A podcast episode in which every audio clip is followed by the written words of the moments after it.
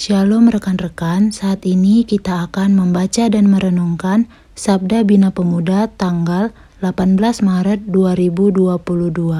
Sebelum itu, mari kita bersatu di dalam doa.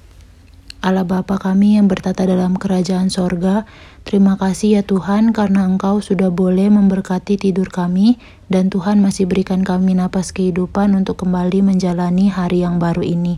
Ya Bapa, Pagi hari ini kami mau membaca dan merenungkan firman-Mu.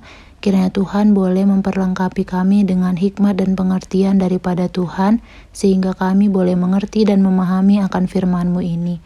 Berfirmanlah ya Bapa, karena kami anak-anak-Mu telah siap untuk membaca dan merenungkannya. Dalam nama anak-Mu Tuhan Yesus Kristus, kami sudah berdoa dan mengucap syukur. Amin.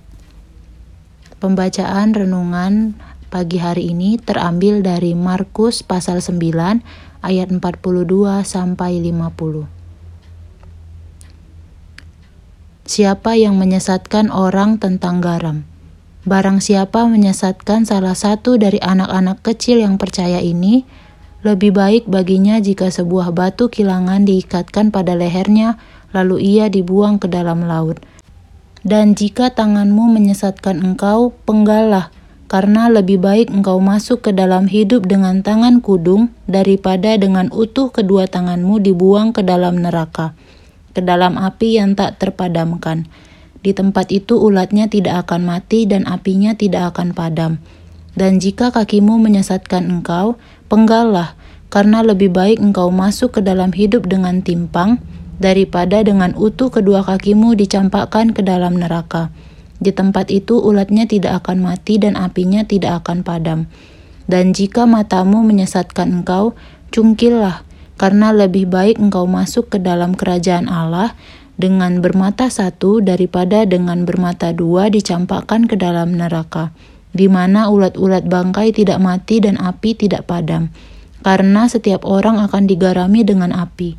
Garam memang baik, tetapi jika garam menjadi hambar, dengan apakah kamu mengasinkannya?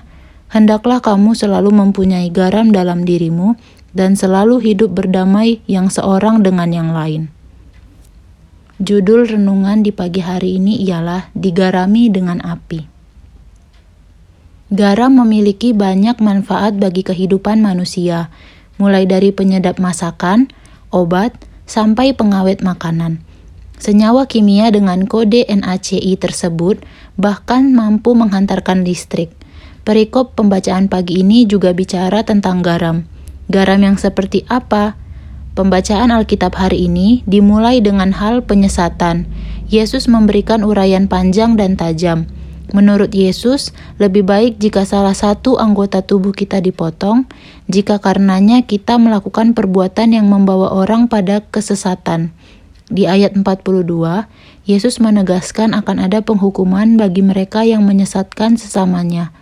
Pernyataan-pernyataan Yesus ini hendak menekankan bahwa kehidupan seseorang membawa pengaruh pada sesamanya, bisa yang positif, bisa yang negatif. Hidup yang membawa pengaruh kepada orang lain itulah yang digambarkan oleh Yesus sebagai garam dan sebagai garam, maka seorang yang percaya pada Tuhan harus tetap menjaga agar dirinya tetap memberi pengaruh yang positif bagi orang lain. Selain bicara tentang membawa pengaruh yang baik, Yesus juga mengungkapkan di ayat 49 bahwa untuk menjaga kualitas garam tersebut, maka api atau pergumulan menjadi media untuk menjaga seseorang memiliki kualitas hidup yang baik. Mengapa? Karena kesulitan dan pergumulan dapat membuat seseorang lebih dekat pada Tuhan dan bijak dalam hidup. Sobat, poin penting bagi kita. Yang pertama, berilah pengaruh positif dalam hidup karena engkau adalah garam kehidupan. Kedua, kualitas kehidupan kita diproses terus melalui kesulitan dan pergumulan. Karena itu, bersyukurlah saat ditempa dengan berbagai kesulitan maupun pergumulan karena melaluinya kita diproses, bahkan pergumulan kita dan cara kita menghadapinya dapat menjadi inspirasi bagi sesama dan mendatangkan berkat bagi mereka. Baik rekan-rekan, sejenak kita akan berdoa, kita satu di dalam doa. Allah Bapa kami yang bertata dalam kerajaan sorga, terima kasih Tuhan buat firman yang sudah boleh kami baca dan renungkan. Di pagi hari ini, kiranya firman-Mu ini tidak berlalu begitu saja, tapi boleh tertanam, bertumbuh, bahkan berbuah dalam kehidupan kami sehari-hari.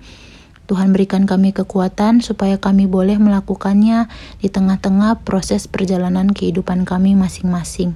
Terima kasih ya Tuhan untuk penyertaan-Mu. Kiranya di sepanjang hari ini Tuhan berkati segala aktivitas bahkan pekerjaan kami masing-masing supaya kami boleh tetap jadi garam di tengah-tengah kehidupan kami. Kami boleh jadi berkat bukan jadi batu sandungan. Terima kasih ya Bapa. Kami serahkan sepanjang hari ini ke dalam tangan kasih-Mu. Dan ketika Engkau mendapati kami melakukan kesalahan di sepanjang hari ini baik yang kami sengaja maupun tidak sengaja lewat perkataan pikiran, bahkan perbuatan kami, kiranya Tuhan boleh mengampuni supaya kami layak untuk disebut sebagai anak-anakmu. Di dalam namamu kami sudah berdoa dan mengucap syukur. Amin. Shalom rekan-rekan, Tuhan Yesus memberkati.